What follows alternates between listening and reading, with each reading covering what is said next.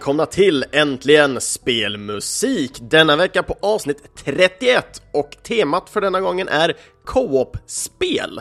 Eh, tänkte ta och blanda lite olika typer av spel i formen av spel som man kanske behöver spela tillsammans och andra spel som man kanske bara behöver en, en villig följeslagare helt enkelt. Och eh, med det så har vi blandat med eh, åtminstone en önskelåt som jag har fått in. Eh, och med det så tar vi egentligen och kör igång programmet. Så först ut, Don't Starve Together med Title Theme.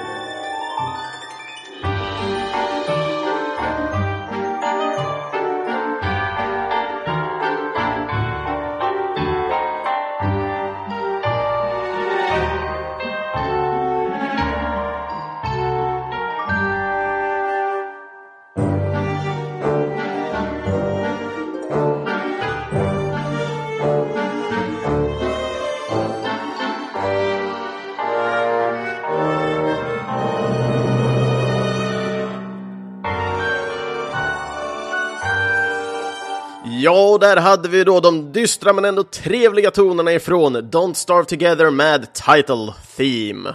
Och eh, här hade vi då soundtracket komponerat utav, och jag vet inte exakt vart de är, men studion är ju kanadensisk, så jag antar att de är kanadensiska med, men kompositörerna då, Vince DeVera och Jason Garner.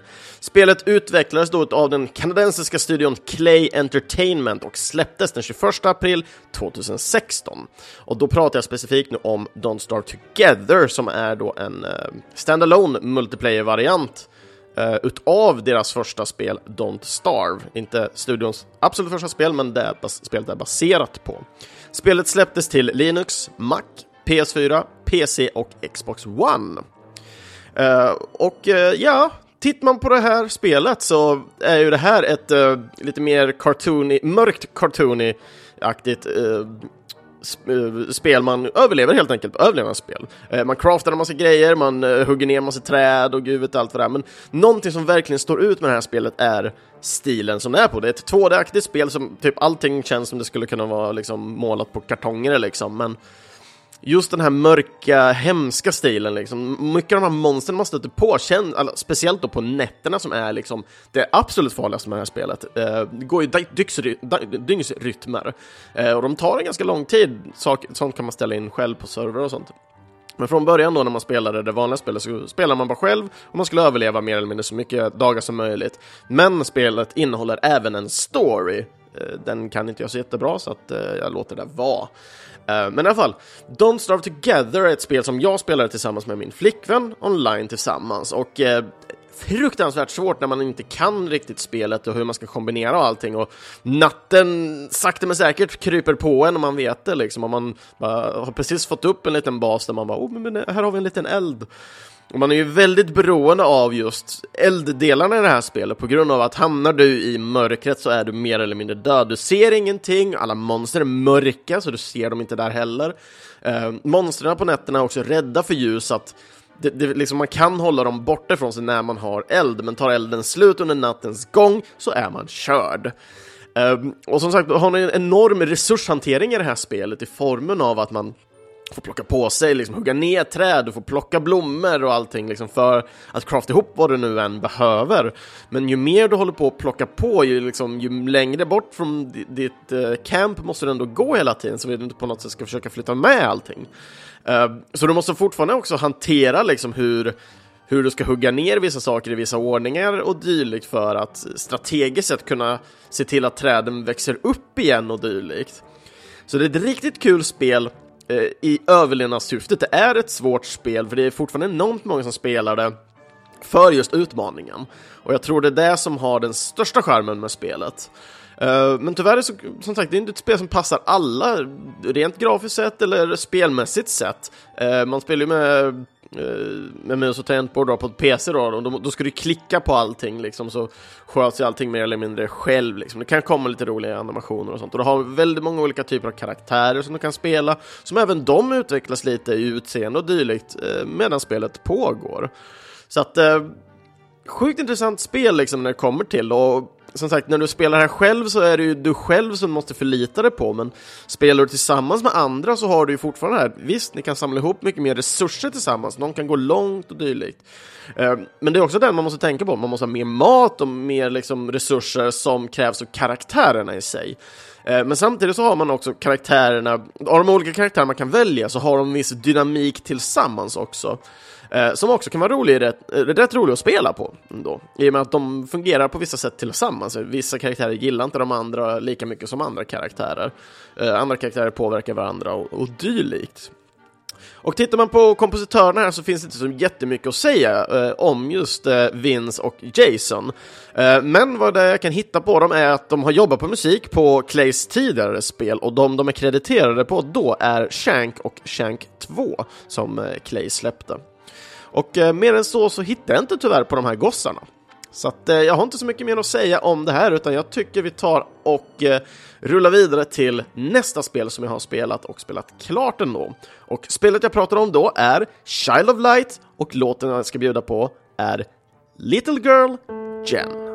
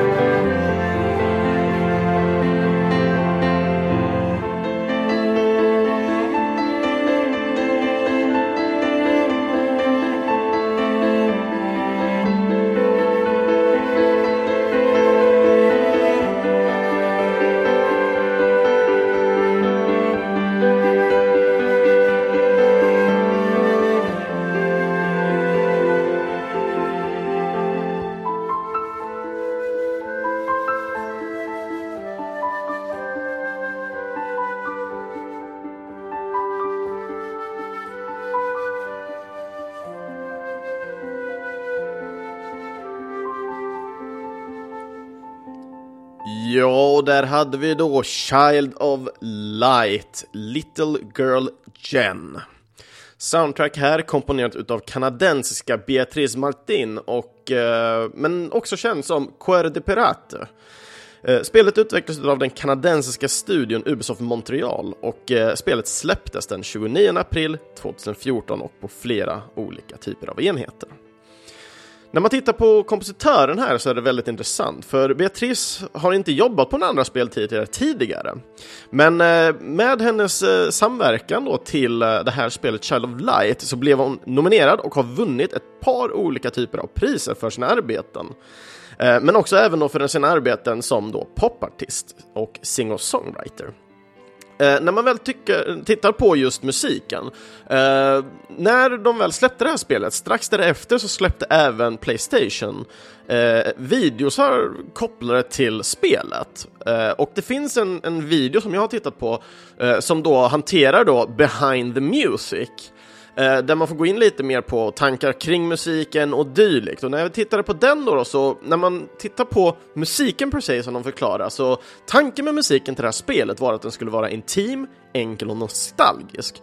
Eh, någonting som ändå eh, Beatrice fick in eh, på det, men hon märkte också det att när det väl kom till bossfighterna, från början var det liksom, det skulle bara vara enkelt Eh, framförallt liksom för att ha den här den klassiska så när man eh, flyger runt och det. Men när det kommer till bossfighter så kände hon, men också då de på studion, att liksom, det räcker inte till riktigt. Eh, så att just när det gäller bossstrider och, och större fighting-scener så var de tvungna att använda sig av en hel, eh, oh, vad heter det, inte konsert, eh, en hel orkester heter det, sorry. Eh, en hel orkester helt enkelt, för att liksom få fram verkligen helheten av det. Eh, men Beatrice är hon som har skrivit, eh, och hon ser fruktansvärt ung ut. Jag har faktiskt inte tittat hur gammal hon är. Men hon ser fruktansvärt ung ut och det är väldigt imponerande just att en en tjej har fått tag sig an för ett sånt här superhyllat spel ändå som eh, Shadowlight ändå har blivit. Och jag som har spelat det här spelet känner till också varför det här spelet är så fruktansvärt populärt ändå. Och mycket av det kommer sig av eh, stilen och musiken som då skapas kring då den här världen. Eh, uh, charmen med det hela i karaktärsformen här uh, är att när folk pratar så pratar de i rim. Och eh, det skapar också liksom en, en viss typ av karaktärförälskelse eh, för att eh, i det här spelet så finns det en karaktär som inte kan rimma, eller rättare sagt när själva punchlinen av rimmet ska komma så säger han oftast något helt annat ord som det inte rimmar till och eh, liksom alla typ försöker alltid vända upp till bara, ah men du menar det här. Eh, så det blir en ganska rolig kombination mellan karaktärerna och dylikt. Eh, tittar vi på huvudkaraktären här så spelar man eh, den unga eh, Aurora som då kommer till den här världen Lemuria efter att hon har dött. Eh, så det är lite, jag vet inte om det har en liten referens till typ eh, Astrid Lindgrens Bröderna Lejonhjärta eller något med Nangijala och dylikt. Men tittar man på information till liksom eh, referenser till vilka, vad de har tagit för inspiration så är det mycket Studio Ghibli och lite olika artworks från en kille som jag har glömt namnet på. Eh, men fortfarande är det väldigt fascinerande just det här att det ändå finns lite sam sammanknutningar tycker jag. Och musiken på det här sättet som är, det här är en av låtarna som eh, jag vill minnas spelades typ när man var ute och flög, för jag, jag minns den här låten så väl och det var, när, när jag väl tänkte på co-op-spel så var jag tvungen att köra en låt ifrån det här för att det var inte superlänge sedan jag spelade det här, jag spelade det här förra året, klarade det och jag älskar, verkligen stormälskar det här spelet. Men då sitter folk och funderar kanske, men vad är det som gör det här två, eh, två liksom? Och eh, för det första så, ja, du spelar bara en karaktär. Men till eh, Aurora då, då, så har hon även en liten sidekick, en så kallad Firefly som heter Igni Igniculus. I Igniculus, ja. Som är en liten eh, eldboll, mer eller mindre, som flyger runt, som har en litet smiley på sig ungefär. Så det är den som går och försöker lära, eh, liksom, och lär upp Aurora, liksom världen, hur den funkar och dylikt. Och, eh, Ignuculus eh, följer med den hela tiden, eh, som någon slags sidekick som också kan liksom röra sig runt. Och när man spelar som sidekick här, så har man egentligen då Aurora som flyger runt och equippa och plocka på sig saker. Men även Ignyculus kan åka runt och liksom samla an då olika eld powerups power-ups och sånt som man kan samla på sig under spelets gång. Eh, han kan även öppna dörrar och dylikt i form av att han kan nå kristaller som Aurora inte kan. Uh, och när man spelar single player så måste man ju styra eh, uh, Ignyculus själv, men i ett samspelat läge så kan den andra spela då Igniculus och då göra allting som man slipper det.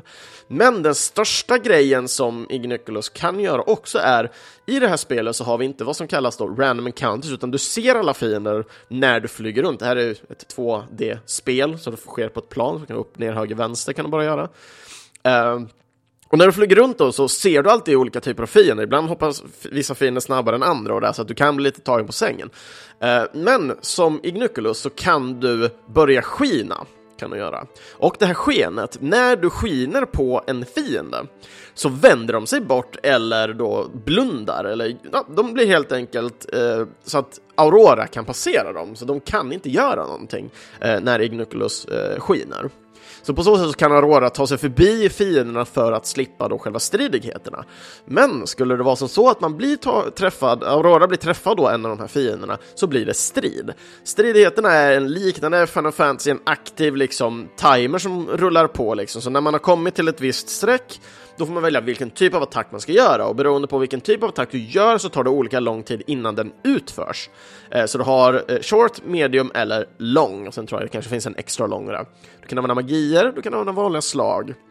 Och de väljer du egentligen på när du väljer de olika spelsen eller slagen och det, det är då du får välja vem du ska slå också.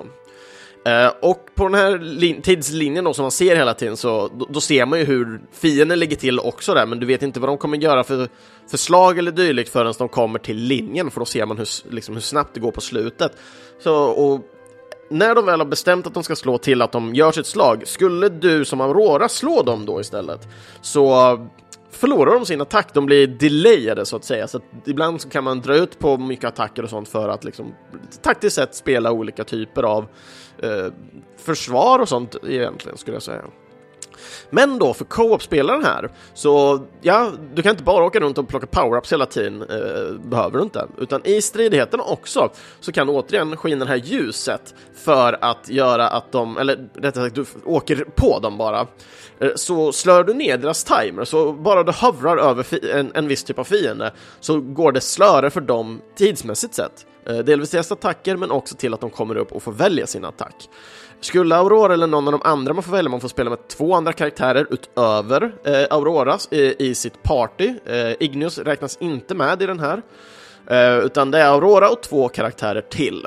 Eh, och på banan, den här battlescreenen då, då, så finns det oftast typer av power-ups som även finns då ute i världen. Så du, man åker med Igniculus till dem eh, och så droppar de eh, power-ups som liv och, och, magi och sånt. Så plock, plockar man dem och så får, får Aurora dem tillbaka med liv och det, så man slipper kasta healing spells och dylikt hela tiden på sig själv istället ifall det skulle gå riktigt illa.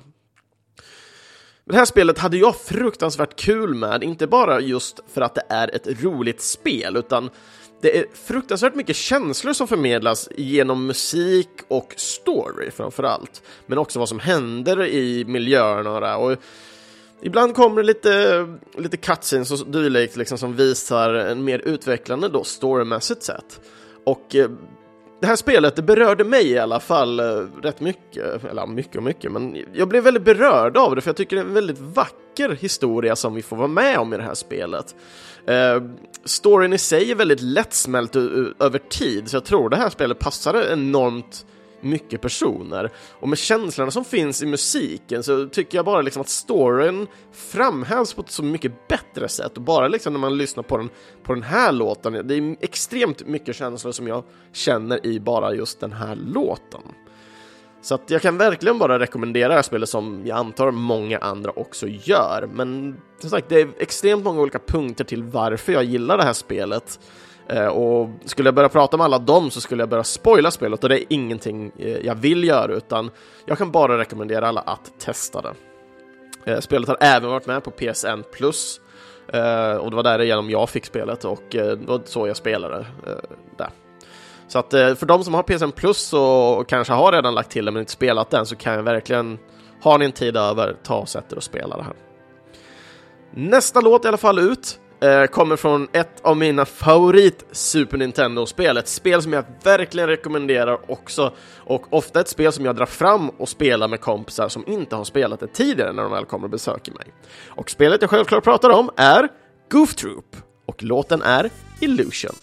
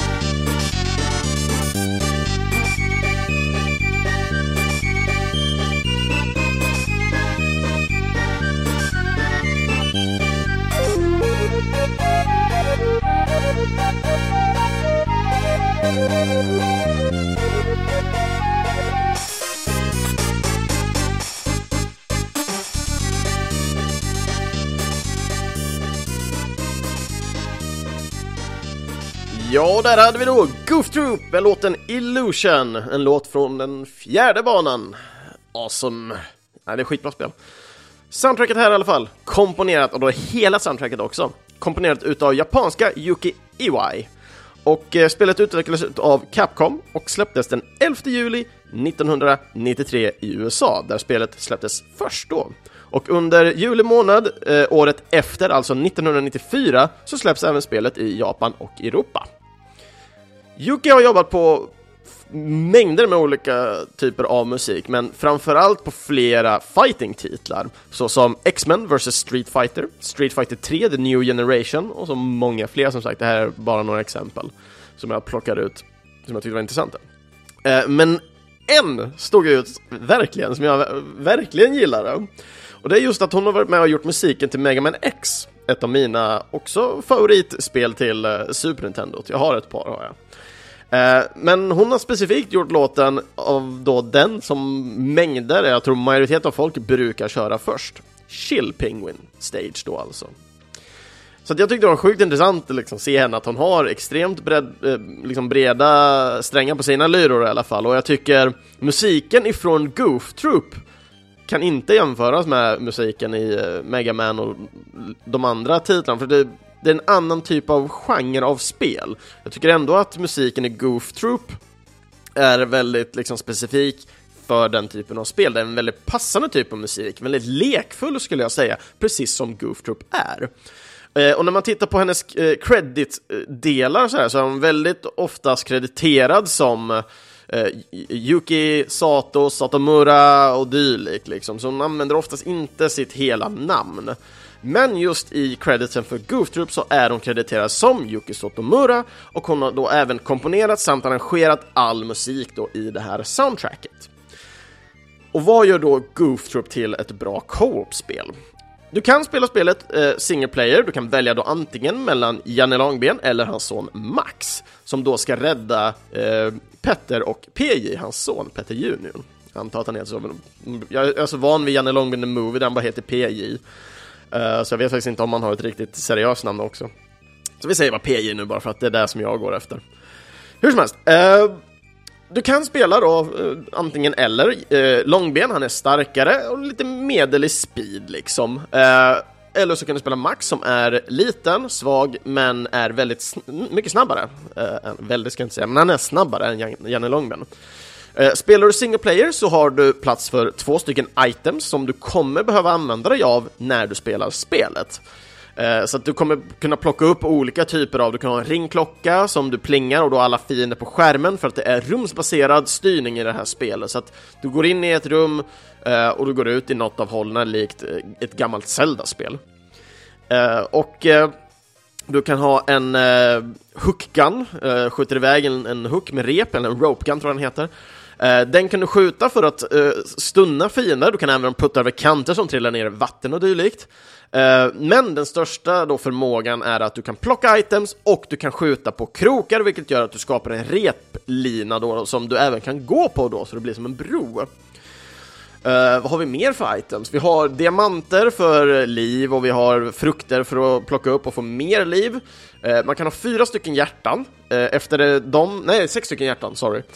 så du kan plocka upp bananer, körsbär och dylikt för att fylla på hjärtan då, då, så mer stryk du kan ta.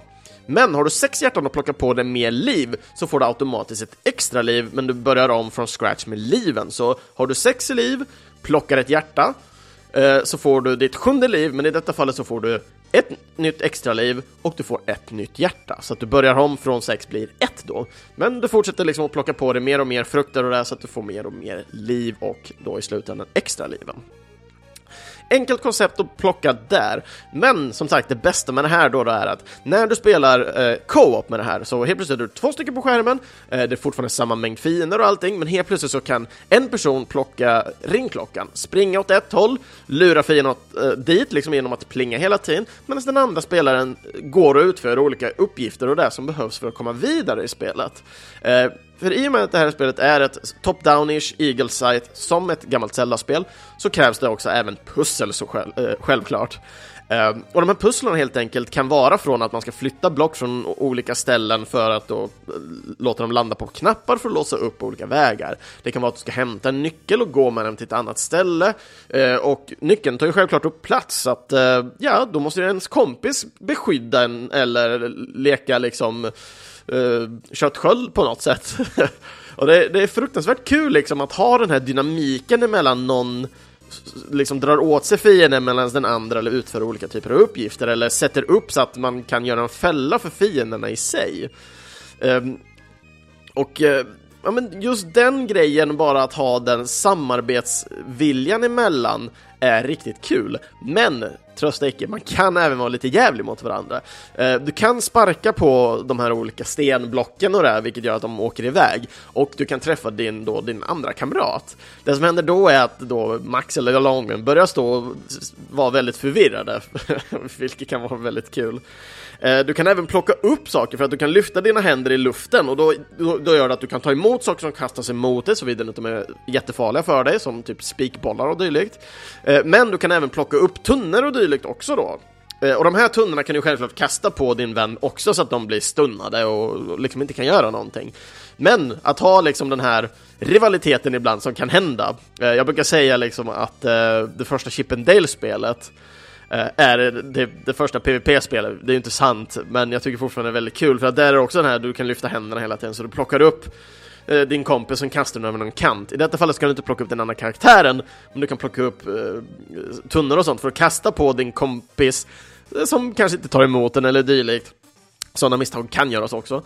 Eh, men då, då blir stunnad helt enkelt och kan inte göra någonting och så blir han träffad av en fiende och så skrattar man lite för att det var kul. Sen kompisen blir inte så jävla glad visserligen, men ändå. Just att ha den här rivaliteten och det, det är fruktansvärt kul samtidigt som att man kan fokusera fullt ut på att eh, ha faktiskt en väldigt kul upplevelse för man inte gillar just rivaliteten. Eh, då man kan samarbeta och helt enkelt bara göra allting flawless. Riktigt bra spel, det är, jag tror det är sex stycken banor, tar ungefär en, kan ta lite av en timme att spela det här spelet. Men musiken är väldigt trevlig, eh, glad, härlig, precis som ni hör den här så är den lite mystisk ibland också, men det är för att man går igenom då eh, ett Haunted Castle där eh, bossarna är två stycken skelett till exempel. Eh, ett rött och ett blått och ja, man ser ju lite vad som pågår redan där, så jag tänker inte avslöja så mycket mer om just det.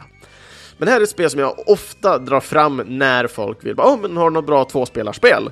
Så är det oftast det här spelet jag går till. Goof Troop är ett av mina eh, ett av mina favoritspel när det kommer till Super Nintendo och när det kommer till tvåspelarläge. Jag är inte jätteförtjust i typ eh, Street Fighter och sånt för att det är liksom bara fighting, rivalitet. Är någon bättre än andra så har inte den andra så mycket kul för att ja, den andra sitter och bara spammar samma saker hela tiden kanske, eller bara kör över den. Men med, med Goof Troop liksom så är man det finns inte så många liksom high-tech strategier eller dylikt, utan det är vad det är liksom. Allting syns på banan liksom och man ska jobba tillsammans mot ett, ett, ett, ett samma, ja, mot samma mål helt enkelt. Och jag tycker inte riktigt att det här spelet blir supersvårt någon gång förrän typ sista bossstriden då du slåss mot en pirat. Uh, vad för typ av pirat kan jag inte avslöja.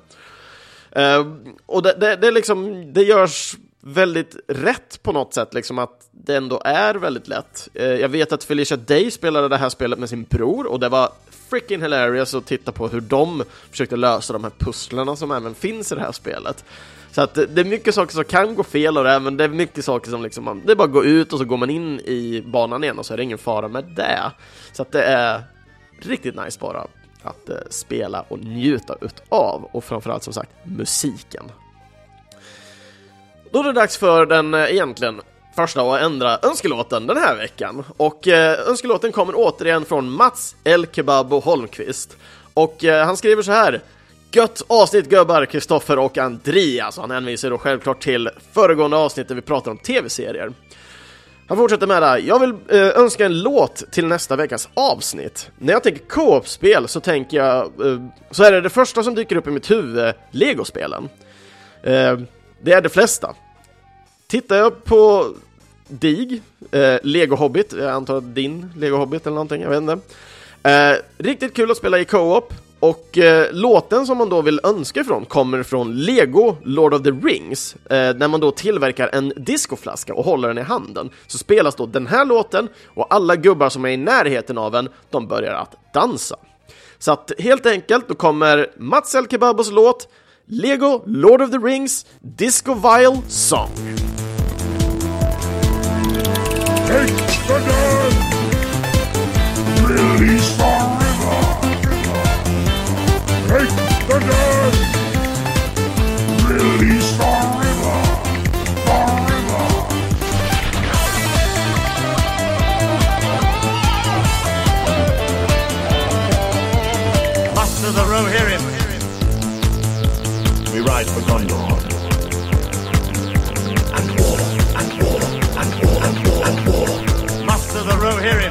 ride for Gondor.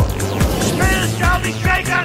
shields shall be splintered, a sword day, a red day. Spears shall be shaken, shields shall be splintered. By now! Now!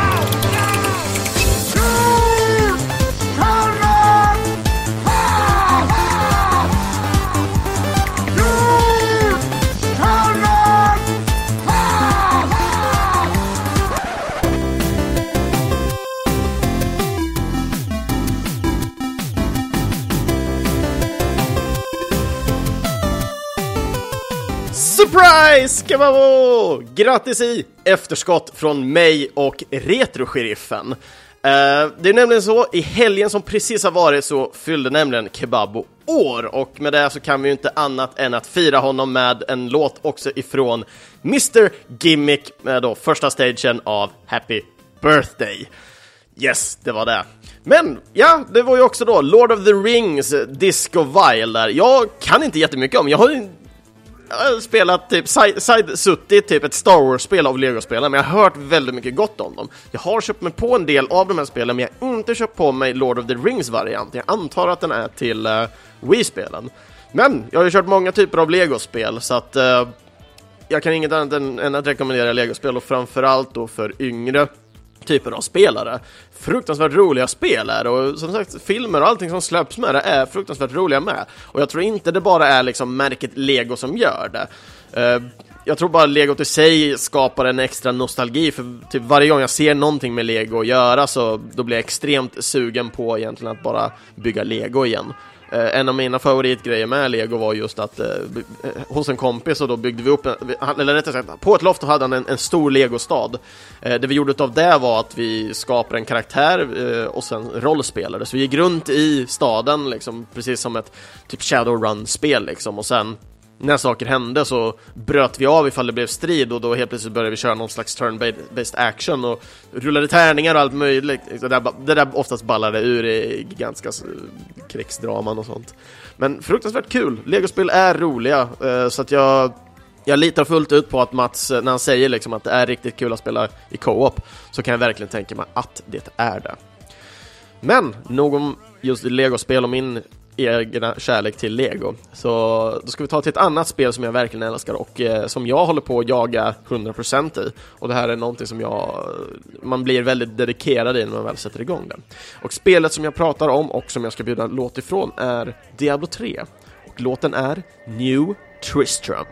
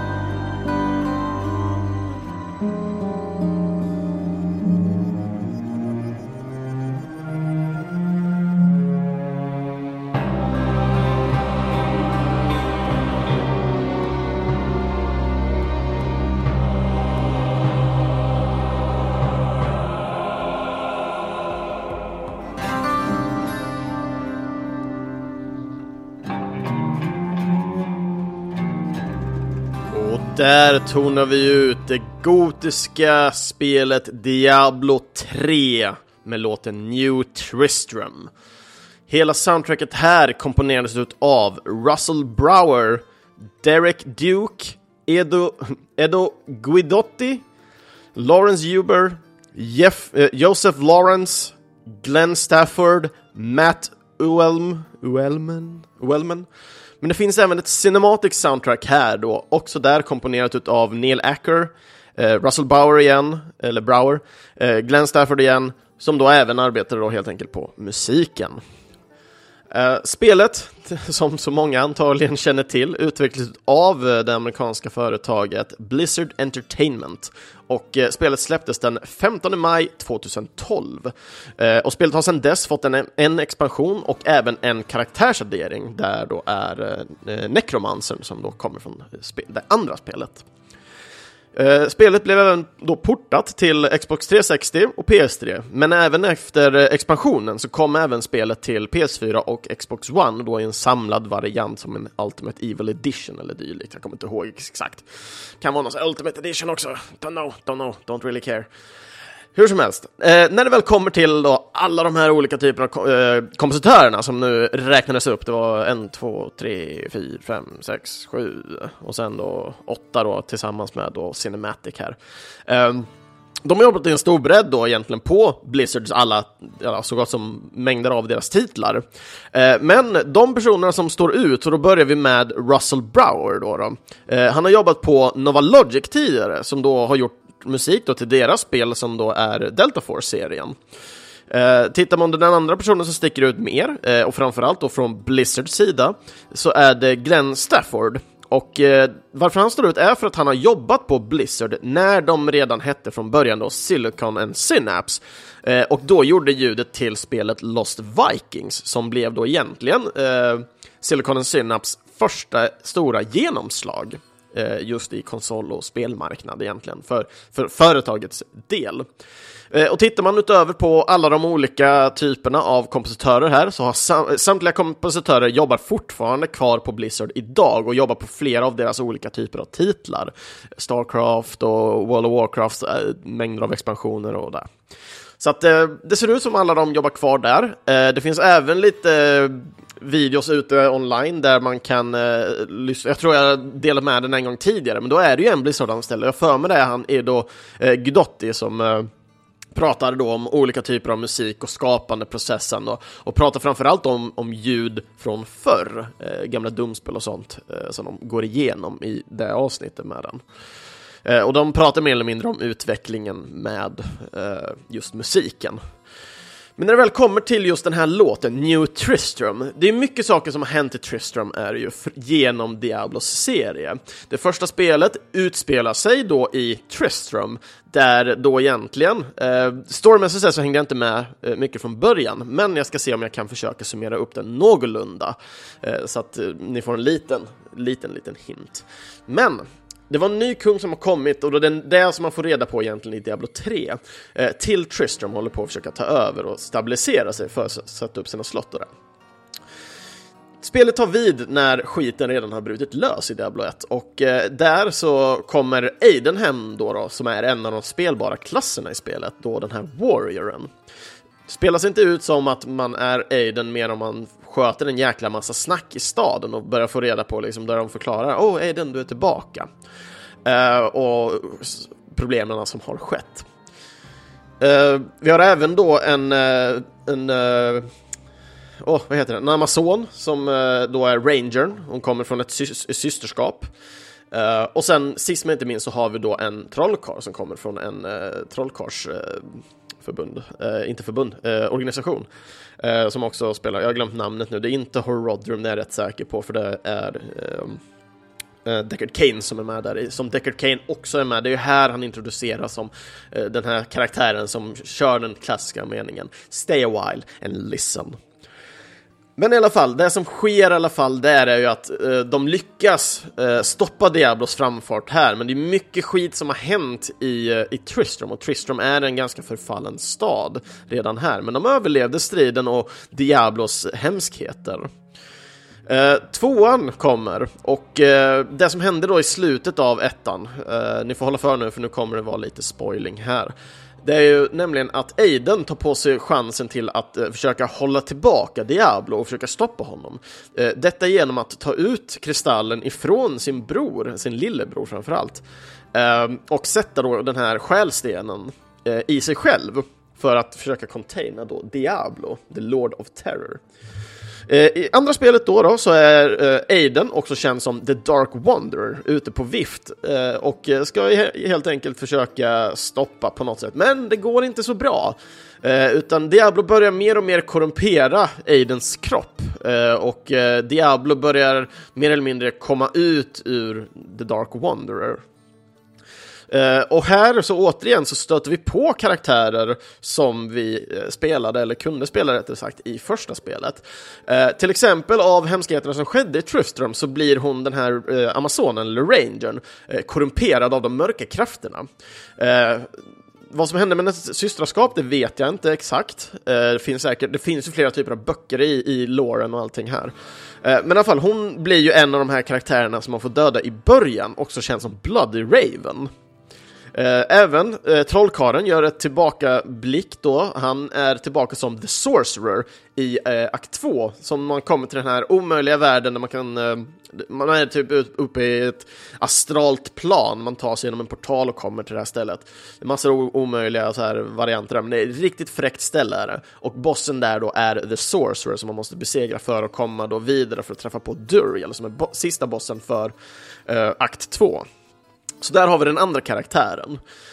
Uh, Fortsätter man här så kommer vi även återigen träffa på Tristram och uh, Tristram i akt 1 då, då, som man stöter på den har förfallit helt. Uh, som sagt så en av karaktärerna, Griswold, som är då blacksmithen i staden, han reser bort Göran men sen när han då kommer tillbaka så blir alla väldigt glada över att han har kommit tillbaka, men det är någonting som är fel. Det är nämligen så att han har blivit så pass korrumperad att han har blivit någon typ av odöd zombie.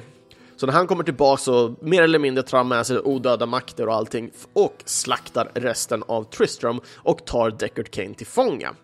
Någonting som då våra äventyrare i Diablo 2 räddar eh, då eh, Deckard Kane ifrån sitt fate av att dö där på eh, platsen i Tristram.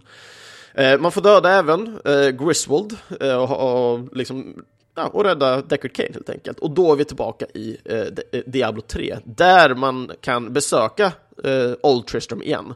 Men New Tristram är helt enkelt den nya Tristram-staden som har byggts en bit ifrån Uh, The Old Tristram helt enkelt, uh, där de egentligen försöker starta upp ett nytt liv och försöka leva sina liv helt enkelt. Och det här spelet, varför det är så fruktansvärt bra och varför jag just egentligen har pratat om just allting, främst då för att musiken i Diablo 3 och speciellt då den här låten, den här låten är ju baserad på den gamla Tristram-låten med vissa justeringar ifrån Diablo 1. Återigen när det kommer till Diablo 2 så är den återigen tillbaka när du besöker eh, Tristram, när den har förfallit. Eh, och även då nu när du kommer till New Tristram så kommer den återigen. Och sen då, vad är det som gör så himla kul med det här? Det här är ju ett spel som främst spelas i story mode till en början, för innan man låser upp hela spelet så måste man spela från början till slut av det här spelet. Um, och det är en förbaskat bra story för de som väl har spelat på och lärt sig mer och mer av det här. Uh, jag vet, uh, Play before you die har en special om det här, där jag tycker de missar extremt mycket information. Uh, jag hade gärna velat vara med i det här avsnittet och prata mycket mer, då jag själv är väldigt dedikerad till det här det är så mycket information och jag håller på att läsa böcker av det här så att ja, tyvärr kommer jag inte ihåg specifika namn, vart karaktärer och sånt tillhör, men hade man varit med i ett sånt avsnitt så hade jag varit mycket mer påläst. Eh, och nu vill jag främst egentligen prata om musiken och prata om varför det här är ett bra co-op-spel. Men i alla fall, när det kommer till co-op-segmentet här, att döda folk tillsammans här är extremt kul. Uh, Diablo är ett, ett så kallat hack and slash-spel där man ska gå omkring och slakta så mycket monster och demoner som möjligt. Uh, och visst, det är ingen sport i att döda så många som möjligt, men för varje gubbe du dödar så får du experience. Och Blizzard har gjort det så duktigt här att ju fler personer som spelar i samma grupp, det vill säga du kan vara upp till fyra personer i ett spel, Uh, ju fler personer som är med i ditt spel helt enkelt så får du bonus experience och du får bonus i att hitta magiska föremål. Så att spelet mer eller mindre motiverar spelare till att spela med andra. Eh, även till konsolvarianterna så har även de här, det här spelet gjorts extremt bra i formen av liksom loot-system och hur man jobbar tillsammans. Och där spelar ju alla i samma skärm om man inte spelar online över, för då, då kan ju folk spela på olika håll, eh, precis som på en PC. Men det har gjorts enormt bra. Även Diablo 1 fick ju en konsolvariant också, men Diablo 2 fick inte det, vilket var väldigt intressant ändå. Eh, men sen återigen, när vi är tillbaka till trean så kommer då de här konsolvarianterna. Eh, Ja, storyn, riktigt nice. Det finns enormt mycket lore att supa sig in i. Eh, och för min egna del, jag jagar extremt mycket av de här achievementen eh, till det här spelet, så att eh, jag har eh, fortfarande enormt mycket att göra. Eh, jag ligger nu på en eh, tror jag runt en 90 procent och det här, är en, det här är ett spel som jag har spelat sedan releasen då. Visst, jag har varit lite lat på vissa typer av achievements, men nu har jag verkligen tagit tag i det, så vi får se när jag någonsin blir klar med det här spelet. Men jag har fruktansvärt kul fortfarande med det, spelar lite då och då, inte allt för ofta, men jag kan verkligen rekommendera för de som vill ha en liten skön, härlig stund och slakta och njuta av härliga, fina gitarrsolon och mystik liksom. Det är väldigt påfrestande ändå att lyssna på den här musiken, för att den är väldigt lugn, disträ och det är mycket misär i låtarna ändå, men det är också för att Diablos universum är enormt eh, skulle jag säga. Det, det, är en värld som är liksom korrumperad mer eller mindre med onda krafter. Vi har vad som kallas då The Sanctuary, som är då själva världen, och vi har ett krig mellan demoner och änglar. Och Sanctuary är en, en skapelse som har kommit ut av liksom det här kriget. Eh, och i trian, nu tänker jag inte avslöja någonting här, så det är lugnt, ni kan lyssna fortfarande. Eh, det är ju liksom saker som sker däremellan som gör, som ifrågasätter Sanctuaries eh, bifogenhet liksom. Och hur de lämnar spelet öppet efter Eh, tycker jag bara egentligen är mer påverkan till att någonting mer kommer komma utöver den här expansionen som bara släppts. Kan det komma en Diablo 4 har folk undrat, eller ska det komma mer expansioner? Eh, tittar man på ryktena som finns i så verkar folk vara mer lutade åt att det ska komma ett Diablo 4 mer än ett Diablo 3-expansion extra. Men med tanke på liksom hur de har gjort karaktärsregleringar och sånt med nekromansen så folk är väldigt fundersamma. Väldigt kul tycker jag med att Diablo fortfarande lever. Eh, jag älskar spelet, jag tycker det är skitkul. Musiken, börjat lyssna mycket mer på dem och de är rätt vackra ändå, liksom med den här misären. Så vi får se om jag lyckas få någon av er intresserad av det. Och vill ni höra mig prata mer om Diablo så får ni väl säga att ni vill höra ett Diablo-avsnitt där vi går mer ner på musik, story och massor annat. Men nog om det här nu, nu ska vi ta och rulla på en liten roligare låt. Så att eh, då tar jag och ger er låten Re Your Brain ifrån Left for Dead 2. Hey Tom, it's Bob from the office down the hall. It's good to see you, buddy. How have you been? Things have been okay. That I'm a zombie now. I really wish you'd let us in. I think I speak for all of us when I say I understand why you folks might hesitate to submit to our demand. But here's an FYI you're all gonna die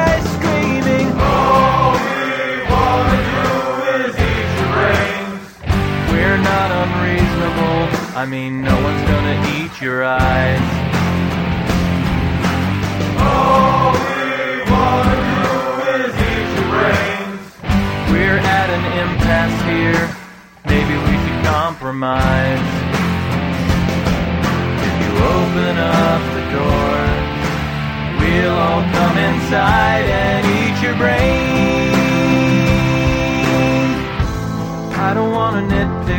Tom, but is this really your plan? Spend your whole life locked inside a mall. Maybe that's okay for now, but someday you'll be out of food and guns, and you'll have to make the call. I'm not surprised to see you haven't thought it through enough You never had the head for all that bigger picture stuff. But Tom, that's what I do, and I plan on eating you slowly. All we wanna do is eat your brains. We're not unreasonable. I mean, no one's gonna eat your eyes. All we wanna do is eat your brains We're at an impasse compromise. You open up the door, we'll all come inside and eat your brains.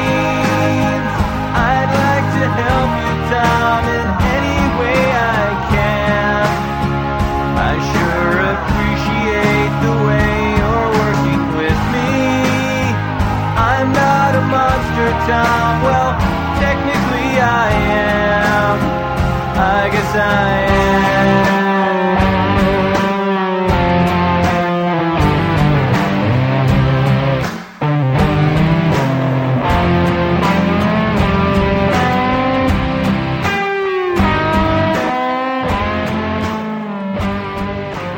och där hade vi då Left for Dead 2, Re Your Brain. Låten skrivet av den kände Jonathan Carlton. Uh, för de som inte känner igen honom så, han är ju känd från att ha gjort uh, Portal-låtarna framförallt. Uh, jag tror det är de som har stått ut mest då. Still Alive och Now You're Gone ifrån Portal 2. Uh, soundtracket annars, det komponeras av Mike Moraski, Moraski, Moraski, Moraski. Uh, Mike Moraski. Uh, spelet utvecklades av den amerikanska studion Valve och spelet släpptes den 17 november 2009. Spelet är då en uppföljare ifrån det första spelet, men med nya överlevare ifrån en annan plats i USA. Frågan är hur långt ifrån? Det är en bra fråga. Eh, man får spela då eh, emellan då Coach, Roachell, Nick eller Ellis som är då de här nya fyra överlevarna som man kan då spela. Eh, till spelet så har man flera gratisuppdateringar då som släpptes med nya typer av kampanjer. Eh, därav man kan faktiskt spela två stycken av de här kampanjerna som då knyter samman överlevarna eh, Eh, ifrån då det första spelet med det andra spelet. Eh, man får spela då överlevarna ifrån det första spelet eh, på en av de här kampanjerna där någonting sker. Eh, sen får man ta vid eh, den andra kampanjen där man spelar då de andra överlevarna och man kommer till samma plats. Eh, man kommer få stöta på de andra karaktärerna och det är någonting som har skett. Eh, också eh, som eh, vissa kan tycka vissa olika typer av saker om beroende på hur, vad för eh, koppling och sånt man har till eh, karaktärer och dylikt. Saker sker, saker händer, uh, life goes on ungefär. Nej men fruktansvärt roligt spel det här. Uh, just uh, Left 4 Dead 2, jag minns när det släpptes i 2009 där så jag besökte min bror vid vintern och jag fick sitta i en liten skrubb då, då och spela och jag spelade det här som satan. Eh, jag spelar inte jättemycket av ettan, jag har spelat det lite på typ DreamHack och sådana saker, men eh, jag gillade konceptet, jag älskade allting, men jag kom aldrig riktigt till kritan till att köpa det. Men tvåan var jag ganska snabb på bollen på att köpa, och jag har spelat igenom de mesta av dem. Jag har tyvärr inte fångat för mycket achievement, för de är pissigt svåra, för det här är ett spel som man verkligen måste lära sig känna folket som man spelar med, eh, co-op med sitt sätt och dylikt. Eh, för det absolut svåraste du kan köra är eh, ett mode som kallas realism. Eh, spelar du inte realism så har du, när någon går in i ett rum och du inte ser personen mer, så har du fortfarande outlines på karaktären så du vet vart han är. Uh, och sen då finns det svårighetsgrader som normal, hard uh, och då det svåraste expert sen. Jag tror det finns hard också. Men uh, expert är det svåraste i alla fall. Eh, vilket gör att man tar extremt mycket damage och jag tror det är realism så är det även friendly fire på. Så skulle det vara så att du skjuter ett skott och som träffar en kompis så tar de extremt mycket skada. Och i och med att det är realism så det krävs inte mycket för att du ska gå ner heller. Så det är fruktansvärt svårt och man ska vara fruktansvärt, uh, vad heter det, ord i tjenare. Eh, man måste vara sammansatt, sammanbitna liksom. Man måste veta liksom. Om jag säger åt eh, Kalle att hålla min rygg, då ska jag veta att Kalle håller min rygg, inte att Kalle, oh, jag hittade medpack, springer och hämtar det liksom. Uh, fruktansvärt kul spel liksom, för att det, det, blir en unik upplevelse varje gång. Du spelar ju samma banor oftast genom du spelar kampanjerna. Men fiender kommer vid olika tillfällen beroende på vad du gör. Uh, om du spelar ett gäng som slaktar på zombiesen som satan, då, då är ju AI den som bestämmer vad för fiender och sånt som ska komma så pass baserad att, ja, märker den att spelarna har det väldigt lätt för sig, då, då blir den så kallad argare. Eh, och ju argare den är, ju svårare fiender kommer den kasta på en hela tiden för att liksom balansera ut spelet per se. Eh, men det finns fördelar och nackdelar utav det här också, så ibland när du inte har mycket resurser att av använda dig av, typ healings och granater och sånt, och helt plötsligt så kommer det ändå sjuk gigantisk våg med zombisar och specialzombies framförallt, för det är inte bara zombisar som, ska, äh, som kan skada det här, utan du har ju det är inte zombies, det är infekterade, infected kallas de, men de är ju zombie eh, eh liksom relaterade. Um, men de här infekterade specialgubbarna som även då finns i ettan, så du har Bruten som springer igenom och mosar, eller Charger heter han, som kan charga igenom och så kan han slå väldigt hårt. Eh, sen har vi Spitter som är eh, en karaktär som spottar och eh, slime typ. Eller acid skulle jag säga mer, för när den väl träffar marken så blir det en stor pöl av acid som eh, överlevarna tar skada av eh, över tid, som de står i den. Eh, sen har vi eh, Bile-gubben som, eh, han tål typ ingenting, Eh, men när han då blir skjuten och det, så exploderar han och alla runt omkring blir liksom ja, eh, de får bile som gör att eh, andra zombies och infekterade dras till det stället. Och det framförallt då kan påverka andra specialkaraktärer eller inte specialkaraktärer, det är när du kastar bile på dem. Eh, när du dödar eh, explosion-gubben så kan bara överlevarna bli targetade. Så att eh, då, då, springer de mot dig. Och han kan spy också vilket gör att han eh, applicerar det här slimet på dig som drar till andra infekterade. Eh, sen har vi då den största och den elakaste av dem alla. Eh, nu har jag glömt namnet, han är en jävla titan. Eh, åh, oh, vad heter han? Eh, glömt. Han är skitstor i alla fall är han och han, han slår hårt, han kan kasta sten och ja, han har extremt mycket HP. Health point så att säga. Eh, sen har vi en liten karaktär, en liten eh, ridare. Han hoppar upp på överlevarnas ryggar och så rider iväg med dem. Han kan dra dem lite åt det hållet han vill. Eh, och en jockey heter det ja. Eh, och han eh, Ja, han kan dra överlevarna mot det håll som överlevarna inte vill. Överlevarna kan streta emot om de vill, eh, måste inte, men ofta så brukar man göra det. Han kan dra dem över kanter och dylikt också som gör att de eh, kanske dör eller eh, får hålla sig till kanten så att andra överlevare måste gå och rädda dem fruktansvärt kul spel på grund av allt det olika som kan ske omkring det och för de som verkligen gillar det här liksom, eh, så går det att spela liksom infekterade mot överlevare där de infekterade på andra sidan då spelas av andra spelare.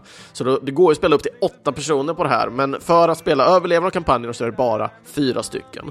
Eh, det finns ett annat mode där man kan överleva så länge som möjligt, ett så kallat survival mode, så då har du en liten bana att förhålla dig på och så ska du bara försöka dra ut på tiden så mycket som möjligt och så blir det bara svårare och svårare ju längre tiden går. Men det, där kommer det samma typer av gubbar hela tiden. Eh, de kan komma från lite olika håll, men överlag så är det samma typ av gubbar hela tiden som kommer. Ehm, och sen sista är, jag tror det inte är så många fler game modes, men den sista är Scavage mode där man ska hämta gas cans och det är också återigen ett sånt mode där man slåss mot varandra, alltså infekterade mot överlevarna. Överlevarna ska hämta eh, gas cans, fylla på en, eh, ett ställe i alla fall, oftast brukar det vara någon typ av generator eller dylikt. Eh, och oftast kan det vara att du ska ha ett visst antal eller du ska ha så många som möjligt för till slut så åker alla eh, överlevarna ner på grund av att de infekterade övermannar helt enkelt. Som sagt, riktigt kul spel och det är framförallt co-open som görs bra här. Eh, det går ju att spela själv, men då spelar du endast framförallt kampanjerna och suger in liksom storyn med det hela, för du har ju en story i form av början till ett slut, hur karaktärerna vandrar igenom de olika områdena och dylikt. Och det var det. Den här låten annars, eh, med Jonathan Colton, han är ju väldigt känd för att göra rätt roliga, härliga låtar. Jag tycker just Re to your brain, eller Re your brain, tycker jag fortfarande är en fruktansvärt rolig komisk låt liksom med den här texten. Så att, uh, good job Jonathan, säger jag bara. det var nice. Uh, jag har inte, den här låten har jag inte hört i uh, spelet per se, men låten finns med i uh, albumen så på något sätt så ska det gå att lyssna på den här, men jag vet inte hur. Uh, tyvärr. Uh, ja, det är det. Jag rekommenderar det. är ett bra spel. Hur som helst, nu är det dags för den sista låten den här veckan och den här låten är en ganska maffig låt är det. Och jag tycker det här är egentligen i eh, överlevnads och co-op-syfte så är det ett av de bättre spelen. Jag pratar självklart om ett strategispel då och inget mindre än det som mer eller mindre kanske startar Moba-genren på ett större plan. Så här kommer en låt ifrån eh, Dota 2 och låten heter Main Menu 2.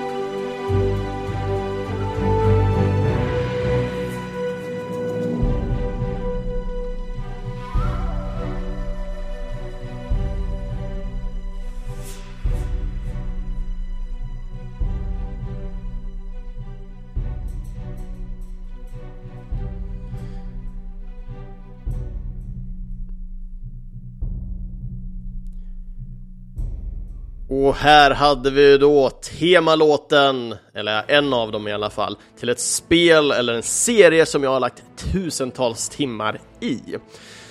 Dota 2 med Main Menu 2 helt enkelt där.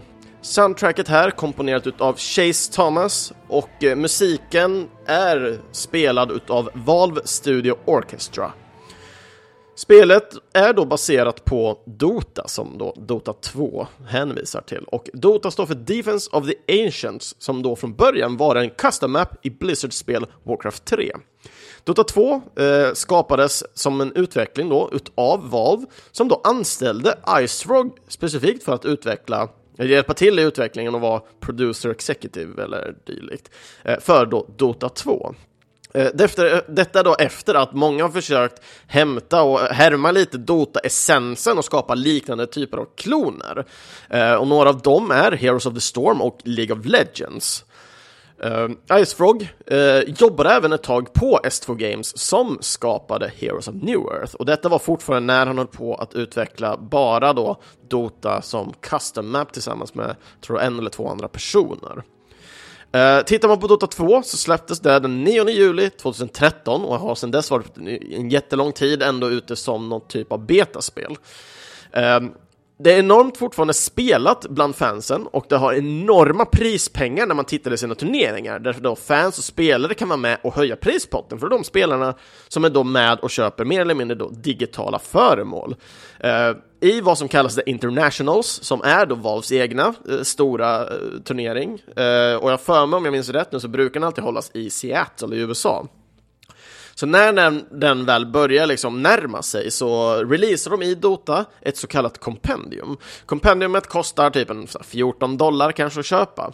Och ungefär en, kan det vara 4-5 dollar brukar gå till prispotten varav resten går till hanterande av det digitala föremålet och pengar till Valve och dylikt. Jag vet inte exakt vart allting går men uh, i det här kompendiumet så är det egentligen en gigantiskt lexikon för vilka spelare som kommer spela, vilka lag som ska vara med, man får följa i uh, vilka som blir wildcards och man kan satsa på gubbar, man kan eh, Eh, vota för vilka skins som ska komma härnäst och, och dylikt. Det finns enormt mycket det här kompendiumet ändå erbjuder för det. Och jag tror lite att enormt många personer känner sig delaktiga i när de väl köper den här. Och det, det finns så mycket, man, ju mer tid du lägger ner på att spela Dota 2 när du har det här kompendiumet så då rankas kompendiumet upp och det blir mycket starkare. Så att det blir lite så här, ett kompendium är inte en casual-spelares eh, köpes och livnadsbröd lite, utan gillar man att ha lite små extra perks, och, eller perks per se är det ju inte, utan du får ju lite coola grejer bara utav det. Du har inget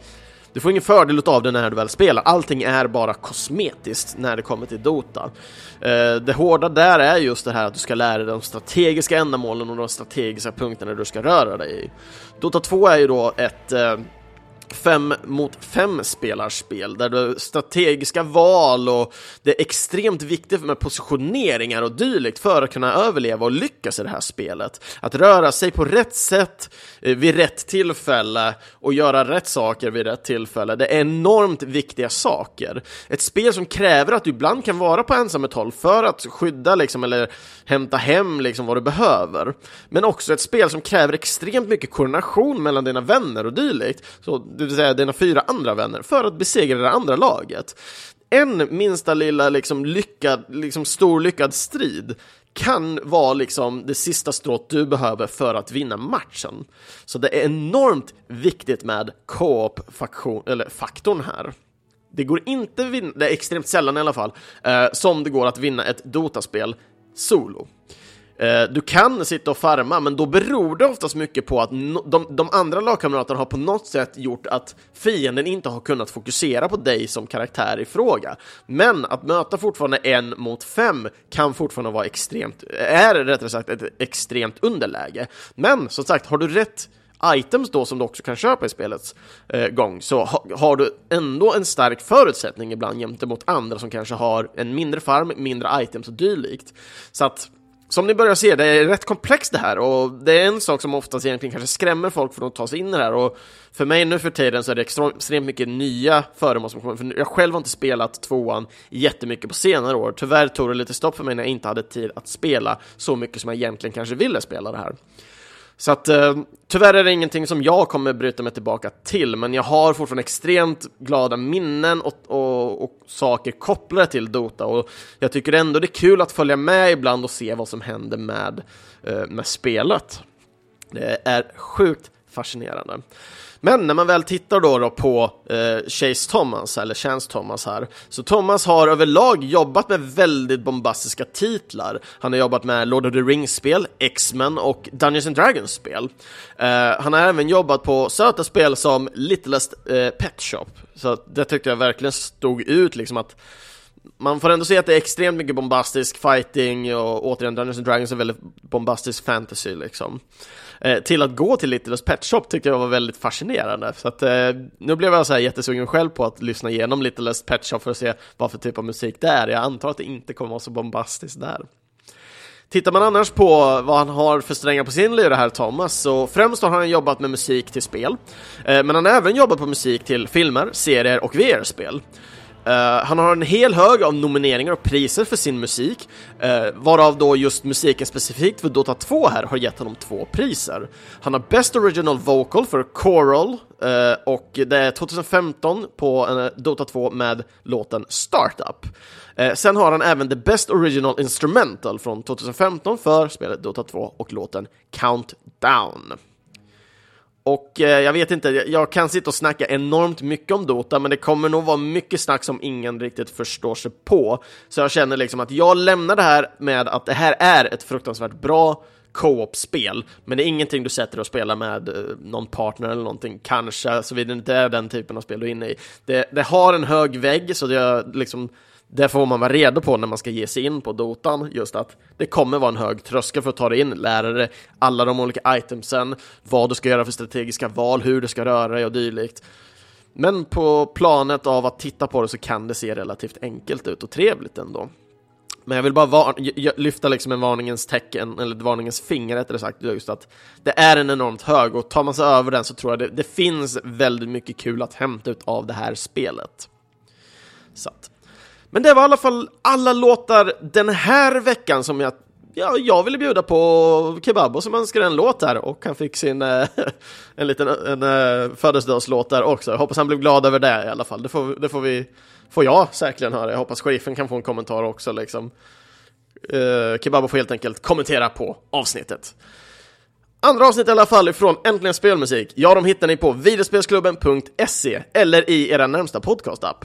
Ni får gärna följa Äntligen Spelmusik på sociala medier, såsom Facebook eller Instagram. Jag postar varje gång det släpper ett nytt avsnitt och ibland eh, gör jag en liten sån här fredagspepp-grej eh, liksom, som är lite pepp kopplat till eh, det här avsnittet som alltid kommer.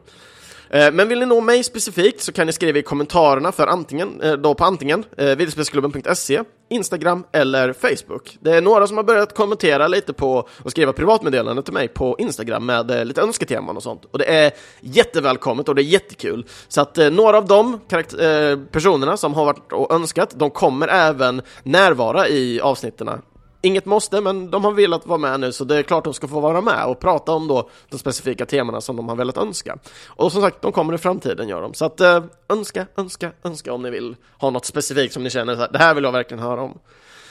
Eh, annars, join, glöm inte att joina Discord-kanalen där vi kan ha löpande musikdelning mellan varandra. Eh, den finns på videospelsklubbens eh, hemsida, så kan man se vilken adress vi har till Discord där. Och missade vi någon av era favoritlåtar från något co-op-spel som ni verkligen älskar, så dela specifikt med er dem i kommentarerna för avsnittet, så jag liksom får höra vad ni gillar för typ av co-op-spel och det. Så att nu har jag ändå delat med mig av det jag gillar och Kebab har fått skriva vad han tyckte var rätt kul i det. Information hur ni annars kan komma åt och köpa musik eller komma åt information om kompositörerna de finner ni på videospelsklubben.ses inlägg. Och nästa vecka så har vi en gäst med oss och eh, med honom så ska vi prata om drakar och demoner. Eh, vi kommer att ha en, en liten så här rollspelsspecial då den här killen Andreas ifrån podcasten Tärningen är kastad håller på med egen rollspelsmusik. Eh, och hur han skapar och hur han tänker kring skapandet av det det får vi helt enkelt vänta till nästa vecka. Och eh, vill ni ställa någon speciell kommentar till honom i hans skapande eller dela med er av er favoritlåt eller musik ifrån något rollspel ni gillar, så dela med er av det i kommentarerna eller skriv till mig personligen. Så Yes! Ha det så bra allesammans där ute i alla fall så hörs vi helt enkelt nästa vecka. Hej då!